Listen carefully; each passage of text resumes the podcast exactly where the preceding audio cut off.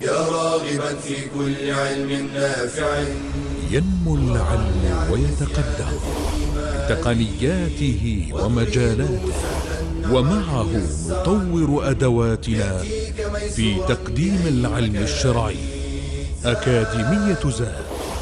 زاد أكاديمية ينبوعها. صاف صاف ليروي غلة الظمآن. والسيرة العلياء عطرة الشدى.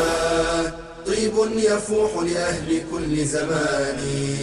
بشرى لنا زاد أكاديمية للعلم كالأزهار في البستان. بسم الله الرحمن الرحيم. الحمد لله رب العالمين. وصلى الله وسلم وبارك على المبعوث رحمة للعالمين. نبينا محمد وعلى آله وصحبه أجمعين. أما بعد السلام عليكم ورحمة الله وبركاته وأهلا وسهلا بكم في أولى دروس السيرة للفصل الثالث سيرة المصطفى صلى الله عليه وآله وسلم. الإسلام هو خاتم الأديان. وهو أفضلها بلا شك ولا ريب. الله عز وجل أرسل إلينا أعظم رسله وأنزل عليه أفضل كتبه. وما أرسل ربنا عز وجل النبي عليه الصلاة والسلام إلا ليقتدى به. ولو شاء تعالى لأنزل كتابا ولأعطى كل واحد منا كتابه يقرأه ويعمل ما فيه. إلا أن الله عز وجل اصطفى من البشر محمد صلى الله عليه وآله وسلم وأرسله إلينا رحمة للعالمين ومبينا لنا الذكر الحكيم. آمرا إيانا بأن نتبعه في كل صغيرة وكبيرة. كما قال ربنا عز وجل لقد كان لكم في رسول الله أسوة حسنة لمن كان يرجو الله واليوم الآخر وذكر الله كثيرا.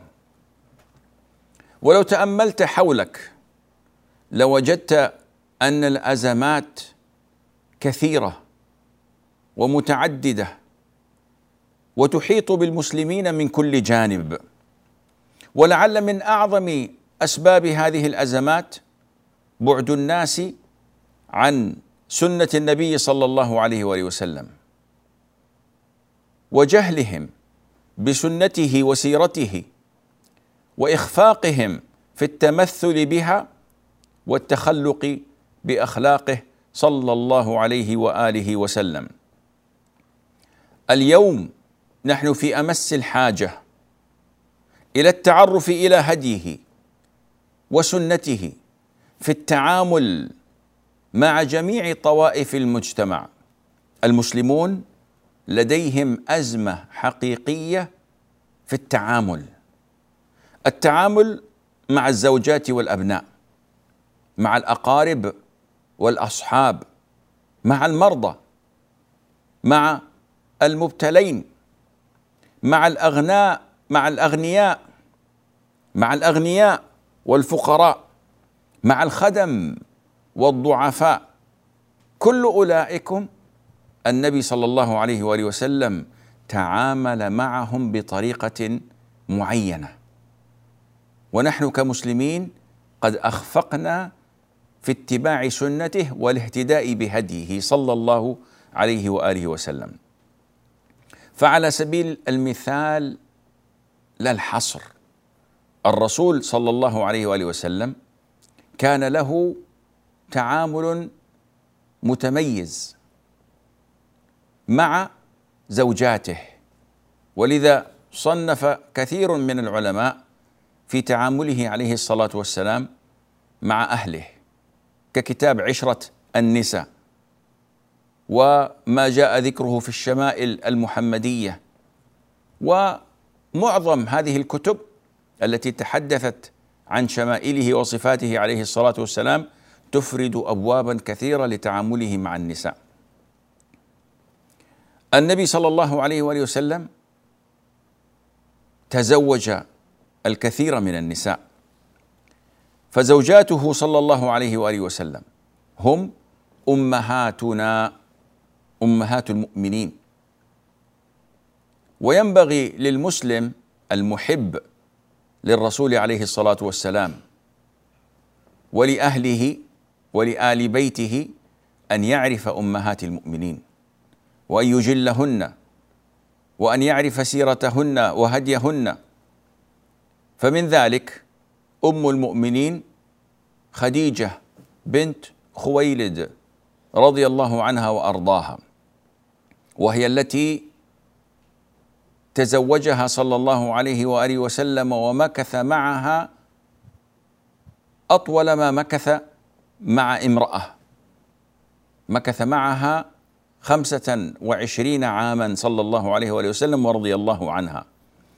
تزوج صلى الله عليه وآله وسلم عائشة بنت أبي بكر وحفصة بنت عمر وسودة بنت زمعة. وزينب بنت جحش ابنة عمته عليه الصلاة والسلام. كما تزوج زينب بنت خزيمة وأم سلمة هند بنت أبي أمية. تزوج أم حبيبة رملة بنت أبي سفيان. وتزوج ميمونة بنت الحارث وجويرية بنت الحارث المصطلقية. وصفية بنت حيي بن أخطب رضي الله عن أمهات المؤمنين جميعا. توفاه الله عز وجل وتحته تسع منهن. وماتت خديجة بنت خويلد وزينب بنت خزيمة رضي الله عنهما قبله صلى الله عليه وآله وسلم.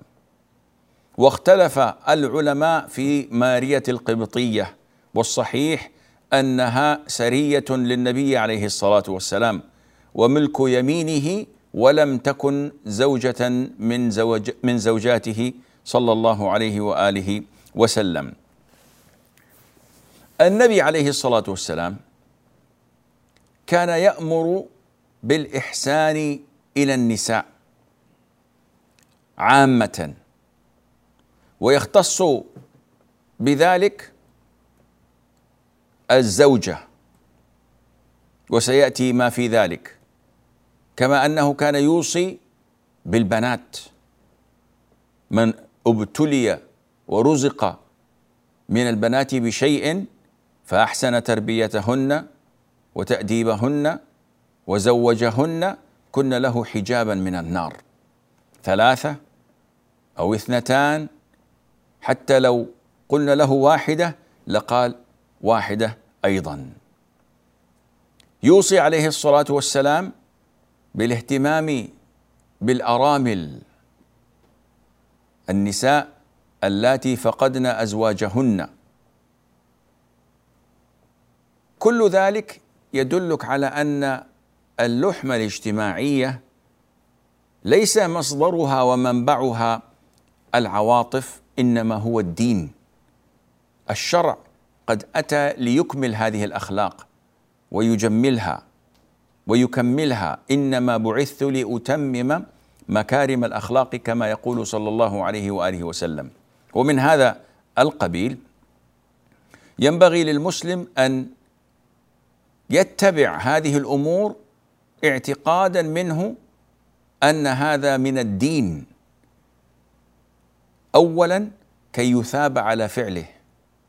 وكي يحتسب الأجر عند عمله وآنذاك يفوز بخيري الدنيا والآخرة فاصل قصير بعدها نواصل بإذن الله فكونوا معنا. بشرى لنا أكاديمية للعلم كالأزهار في البستان.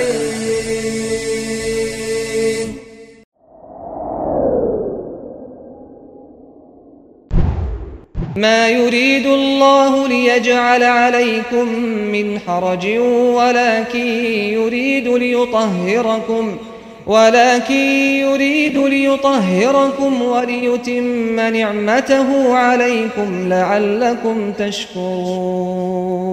من رحمة الله تعالى بعباده رخص لهم في المسح على الخفين والجوارب في الوضوء بدلا من غسل الرجلين.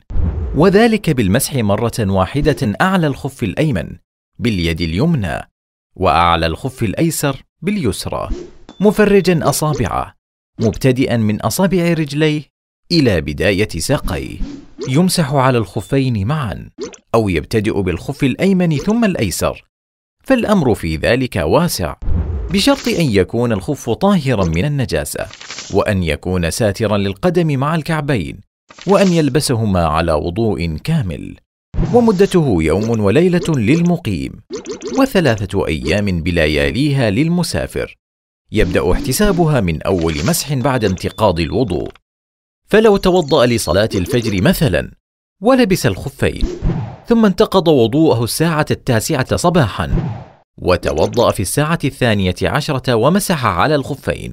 فيبدأ احتساب المدة من الساعة الثانية عشرة لا من الساعة التاسعة ويكون المسح في الحدث الأصغر وأما الحدث الأكبر فيجب فيه الاغتسال الكامل ومن خلع خفيه أو انتهت مدة المسح فوضوءه صحيح ما لم ينتقض بناقض آخر.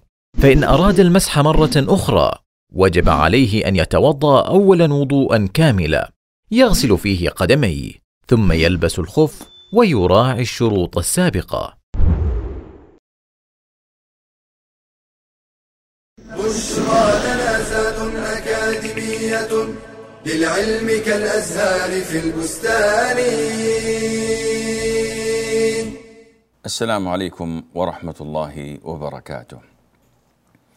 النبي صلى الله عليه وآله وسلم يأمر المسلمين بأمور ويأتي في المقدمة على الدوام. فهو أكمل الناس أخلاقا وأحسنهم تعاملا. يضرب لنا أروع الأمثلة بأحاديث وقصص من السيرة. تكون نبراسا لكل من أحب هذا النبي عليه الصلاة والسلام كي يقتدي به. ويعمل بعمله ويسير على نهجه. النبي صلى الله عليه وآله وسلم يأمر بالإحسان إلى النساء فيقول أكمل المؤمنين إيمانا أحسنهم أخلاقا وخياركم خياركم لنسائهم. وفي رواية وأنا خيركم لأهلي.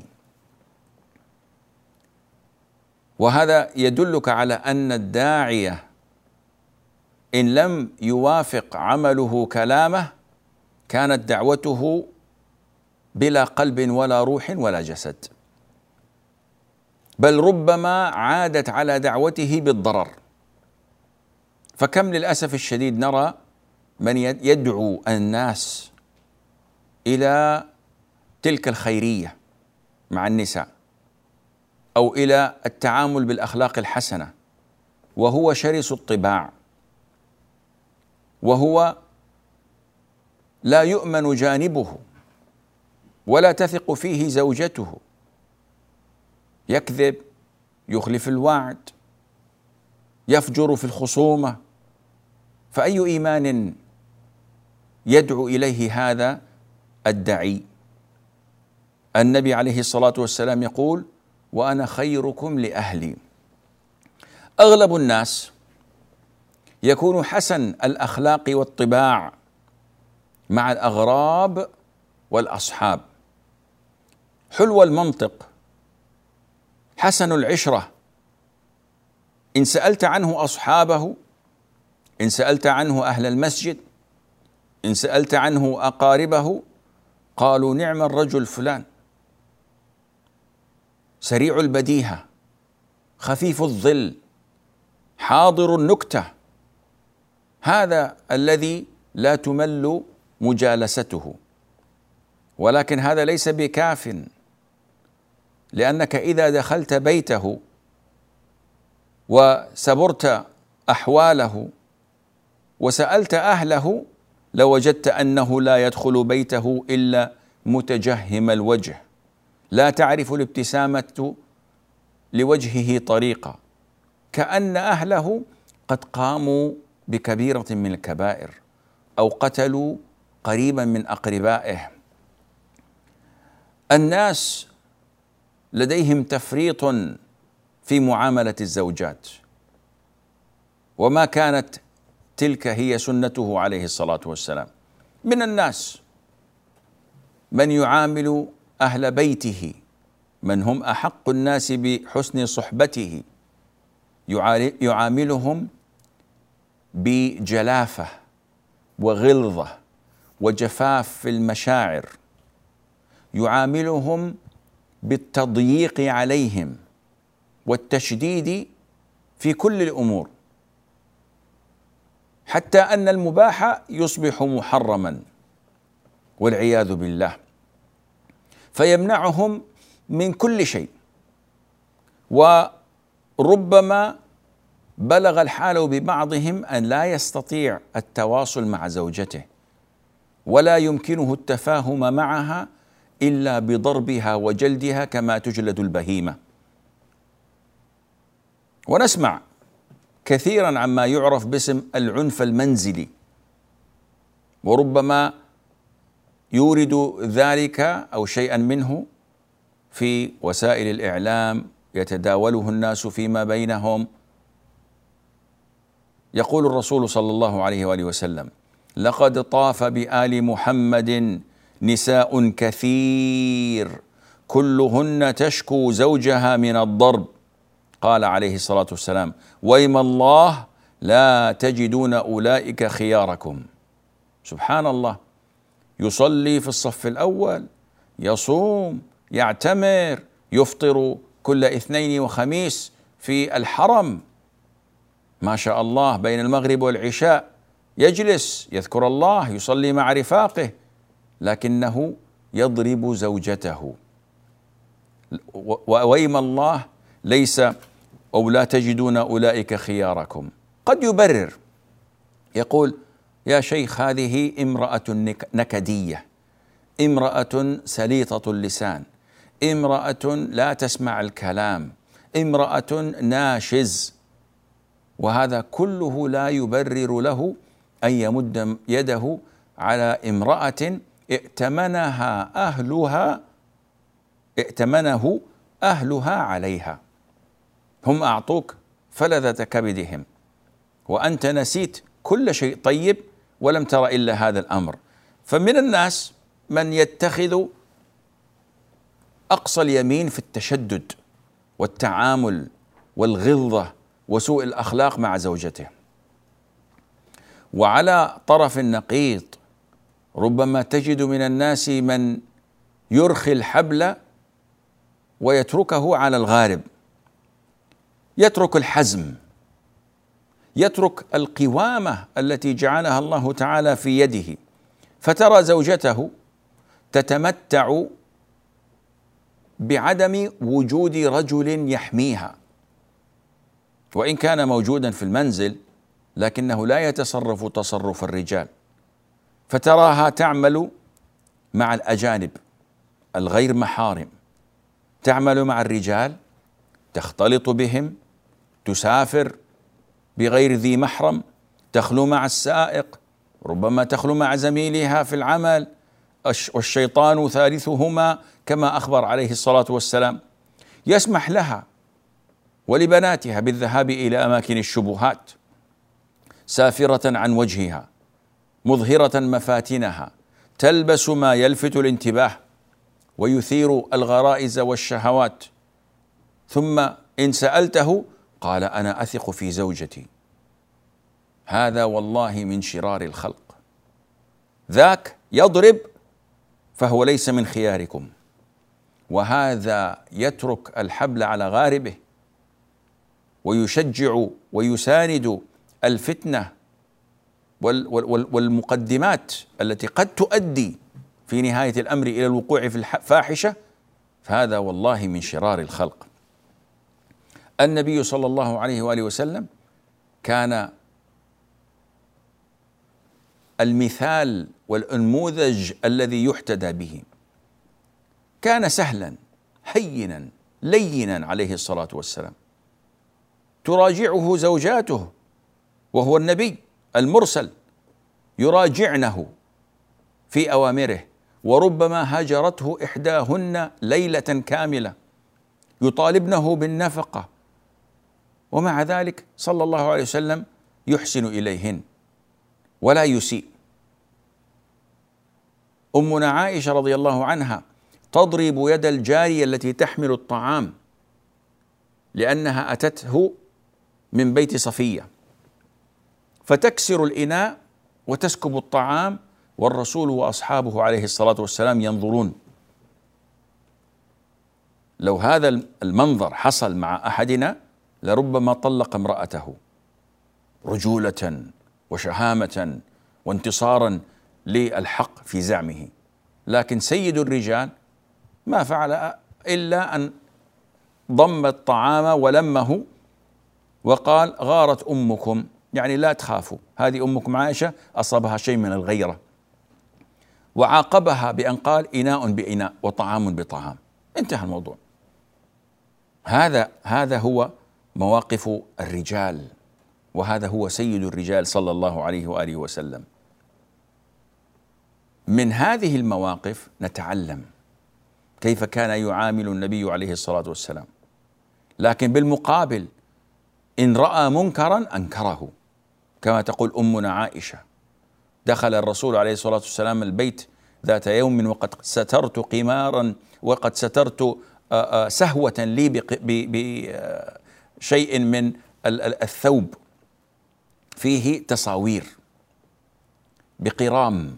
فيه تصاوير. فوقف كالمغضب ولم يدخل. فقلت أستغفر الله يا رسول الله ماذا صنعت؟ قال أما تعلمين أن أصحاب هذه التصاوير يعذبون يوم القيامة؟ فالرسول عليه الصلاة والسلام وإن كانت حبيبة قلبه إلا أنه لا يسكت عن المنكر ولا يترك لها الحبل على الغارب تصنع ما شاءت بل حدود الله لا يتعداها.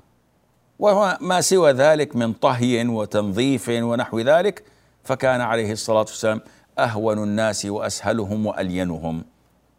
فاصل. ونواصل بعدها بإذن الله.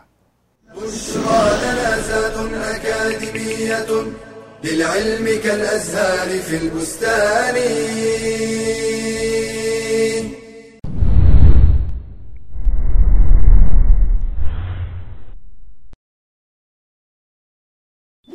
جهل وظلم فرقة وقطيعه شرك وضلال هكذا كان الحال. فيأذن الله بإشراقة فجر جديد ونور يمحو به تلك الظلمات. محمد رسول الله. وصفه ربه بقوله وإنك لعلى خلق عظيم. فجمع له من خصال الكمال ومحاسن الصفات ما لم ينله أحد من البشر. فقد ثبت أنه كان أوفر الناس عقلا أجودهم نفسا أرحبهم صدرا. أشدهم حياء كان أشجع الناس وأزهدهم في الدنيا وأكثرهم تواضعا. يعين أهله ويخيط ثوبه ويخدم نفسه. يزور المسلمين وغير المسلمين ويعود مرضاهم ويدعوهم إلى الخير. كان صادق اللهجة راسخ المبدأ أعدل الناس أرفقهم بالضعفاء أنصف المرأة والطفل. وشملت رحمته حتى الحيوان. أثنى عليه حتى المنصفون من غير المسلمين. فيقول الألماني يوهان غوتا إننا أهل أوروبا بجميع مفاهيمنا. لم نصل بعد إلى ما وصل إليه محمد. ويقول الإنجليزي جورج برناتشو إن العالم أحوج ما يكون إلى رجل في تفكير محمد. بل قال تولستوي الأديب العالمي إن شريعة محمد ستسود العالم لانسجامها مع العقل والحكمة ولنصرته لنعرف قدره ومكانته ولننشر في الناس فضائله ومكارمه. ولنقتدي به ونمتثل أمره ولنذب عن شريعته وندفع عنها الشبهات. فلو لم يكن للنبي صلى الله عليه وسلم من الفضل إلا أنه الواسطة في حمل رسالة رب العباد إلى عباده وتعريفهم به لكان فضلا لا يستقل العالم بشكره ولا البشرية بمكافأته. فقد عاش حياته يبلغ الخير لأمته ولم يكتف بهذا. بل سأل ربه أن يشفعه فيهم يوم القيامة. وصدق الله. وما ارسلناك الا رحمه للعالمين.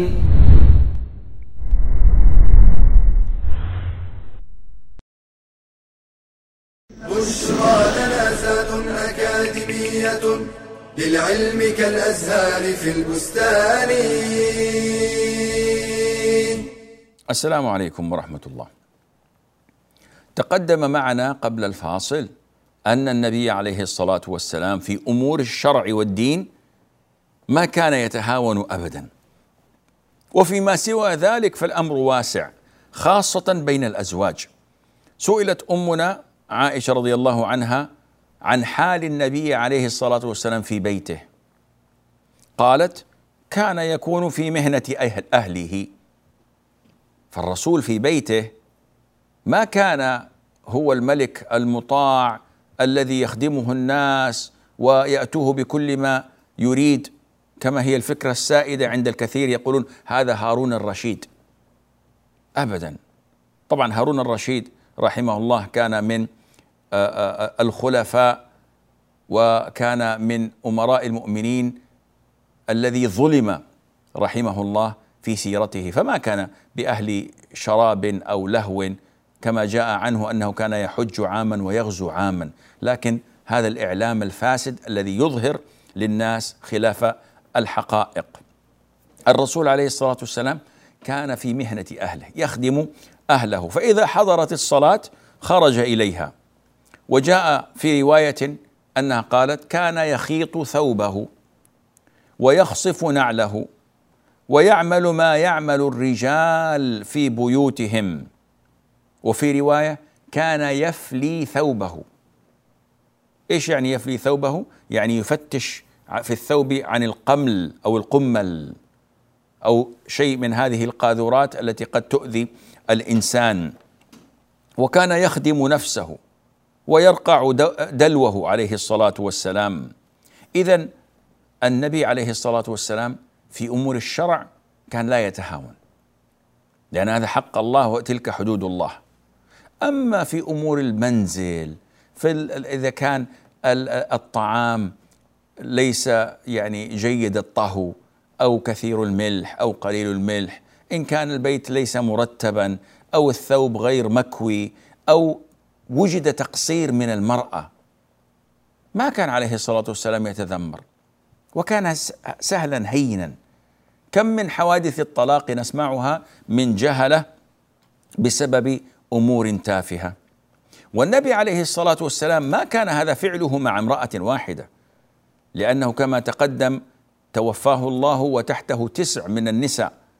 والرسول عليه الصلاة والسلام كان أعدل الناس بين نسائه. ولذلك مسألة التعدد التي تحصل عند الناس بيعني نوع من الانبهار ويرون أن التعدد هذا فاكهة ويجب على المسلم أن يأخذ المرأة الثانية ويتحدثون ويجعلونها من الأمور التي يتفكهون فيها في المجالس. هذا أمر خطير. التعدد أمر مستحب للرجال الذين يستطيعون العدل. والذين يعرفون كيف يتعاملون مع النساء. قال عليه الصلاة والسلام أنه إذا كانت عند الرجل امرأتان فلم يعدل بينهما جاء يوم القيامة وشقه مائل. أمام الخلائق في المحشر يرونه ويعرفون أن هذا له أكثر من زوجة وأنه لم يعدل بينهما. كثير من الحكايات التي تدمي القلب. كثيرا ما نسمع من الروايات من يهجر زوجته الأولى عند زواجه بالثانية يصفها بالقديمة وهذه الثانية بالجديدة. يعني يكفيك أن هذا الوصف يجرح قلب من لا يعني يتأثر. ربما يتزوج الانسان أخرى فيهجر امرأته الأولى الشهور الطويلة. تراه يخرج من بيته فيسهر الليالي مع أصحابه ولا يراه أهله. كم من الرجال من يهجر البيت يعمل طيلة النهار ثم يأتي ينام قبل العصر أو بعد العصر ثم إذا صلى المغرب خرج ولم يرجع إلا في آخر الليل متعبا بعد سهره مع أصحابه ورفاقه أو مع زوجته الثانية الجديدة أو إنما شكوى أهله أنهم لا يرونه ولا يتحدثون معه فترات طويلة. النبي عليه الصلاة والسلام لم يكن كذلك.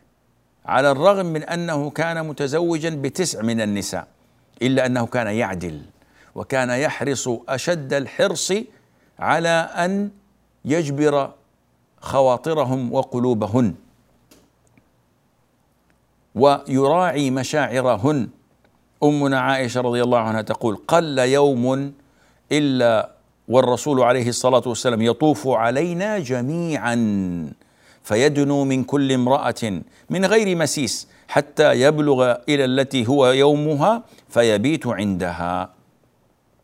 اذا يدنو يقبل يلمس يؤانس يحدث مع أنه ليس ببيتها بيومها. وليس هذا فيه عدم عدل لأنه يفعل ذلك مع جميع النساء. كان عليه الصلاة والسلام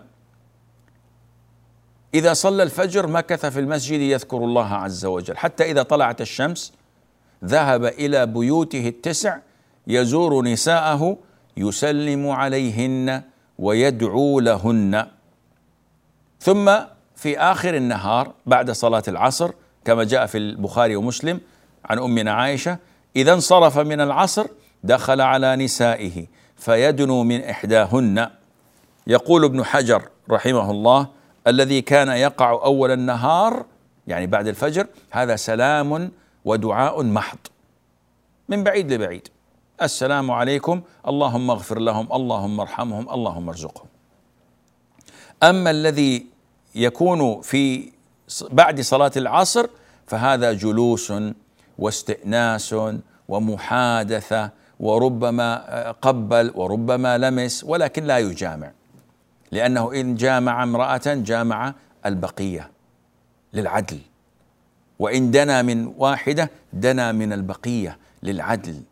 أما ما يفعله البعض من التحرج من التقبيل أو التسليم أو المكث ثم يذهب إلى الثانية ويجلس عندها. هذا لا شك أنه غير عادل. أحدهم يخرج يبيت عند الأولى لكنه إذا خرج من الصباح لم يعد إلا آخر الليل ويمضي معظم الوقت في بيت الثانية. فإن كان في ليلة الثانية لم يرى أهل بيته الأول ولم حتى ولا حتى يتصل بهم بالهاتف. ولا شك أن هذا من سوء الأخلاق. النبي عليه الصلاة والسلام كان حريصا على مشاعر نسائه حتى في زواجه.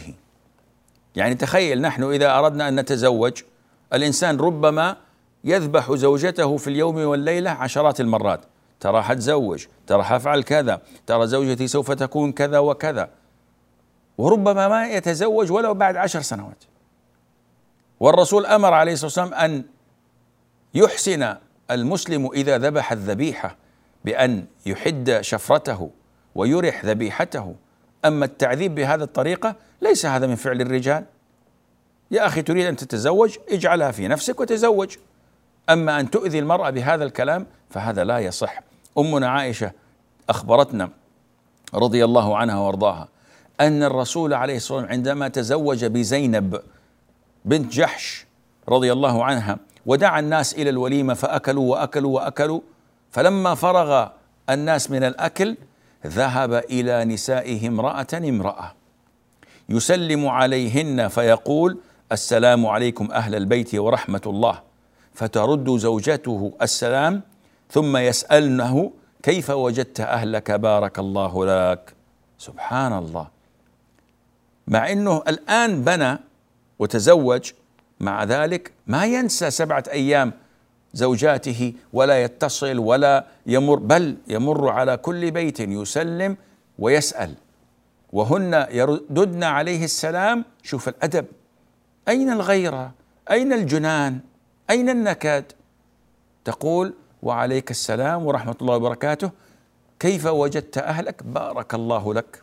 يدعون له عليه الصلاة والسلام. قارن هذا مع أولئك الذين ربما وهذه مسائل تأتيني كثير وشكاوى من نساء تقول أبونا ما يتكلم معنا من سنتين. أبي لا يتكلم مع أمي من عامين اثنين وهو في البيت يفطر ويتغذى ويتعشى وأمي تخدمه وتكنس وتطبخ وتكوي. لكن هذا من شراسة الأخلاق وسوء الطباع. ونكد الرجال وقهرهم. هو يقول أنا أربيها. أخي الحبيب ربي نفسك بادئ ذي بدء. عسى الله عز وجل أن يهديك وأن يردك إلى اتباع سنة حبيبك صلى الله عليه وآله وسلم. هذا والله أعلم ونسبة العلم إليه أسلم. والسلام عليكم ورحمة الله وبركاته. يا راغبا في كل علم نافع. متطلعا لزيادة الإيمان وتريد سهلا النوال ميسرا يأتيك ميسورا بأي مكان. زاد زاد أكاديمية ينبوعها صاف صاف ليروي غلة الظمآن والسيرة العلياء عطرة الشدى. طيب يفوح لأهل كل زمان. بشرى لنا زاد أكاديمية للعلم كالأزهار في البستان.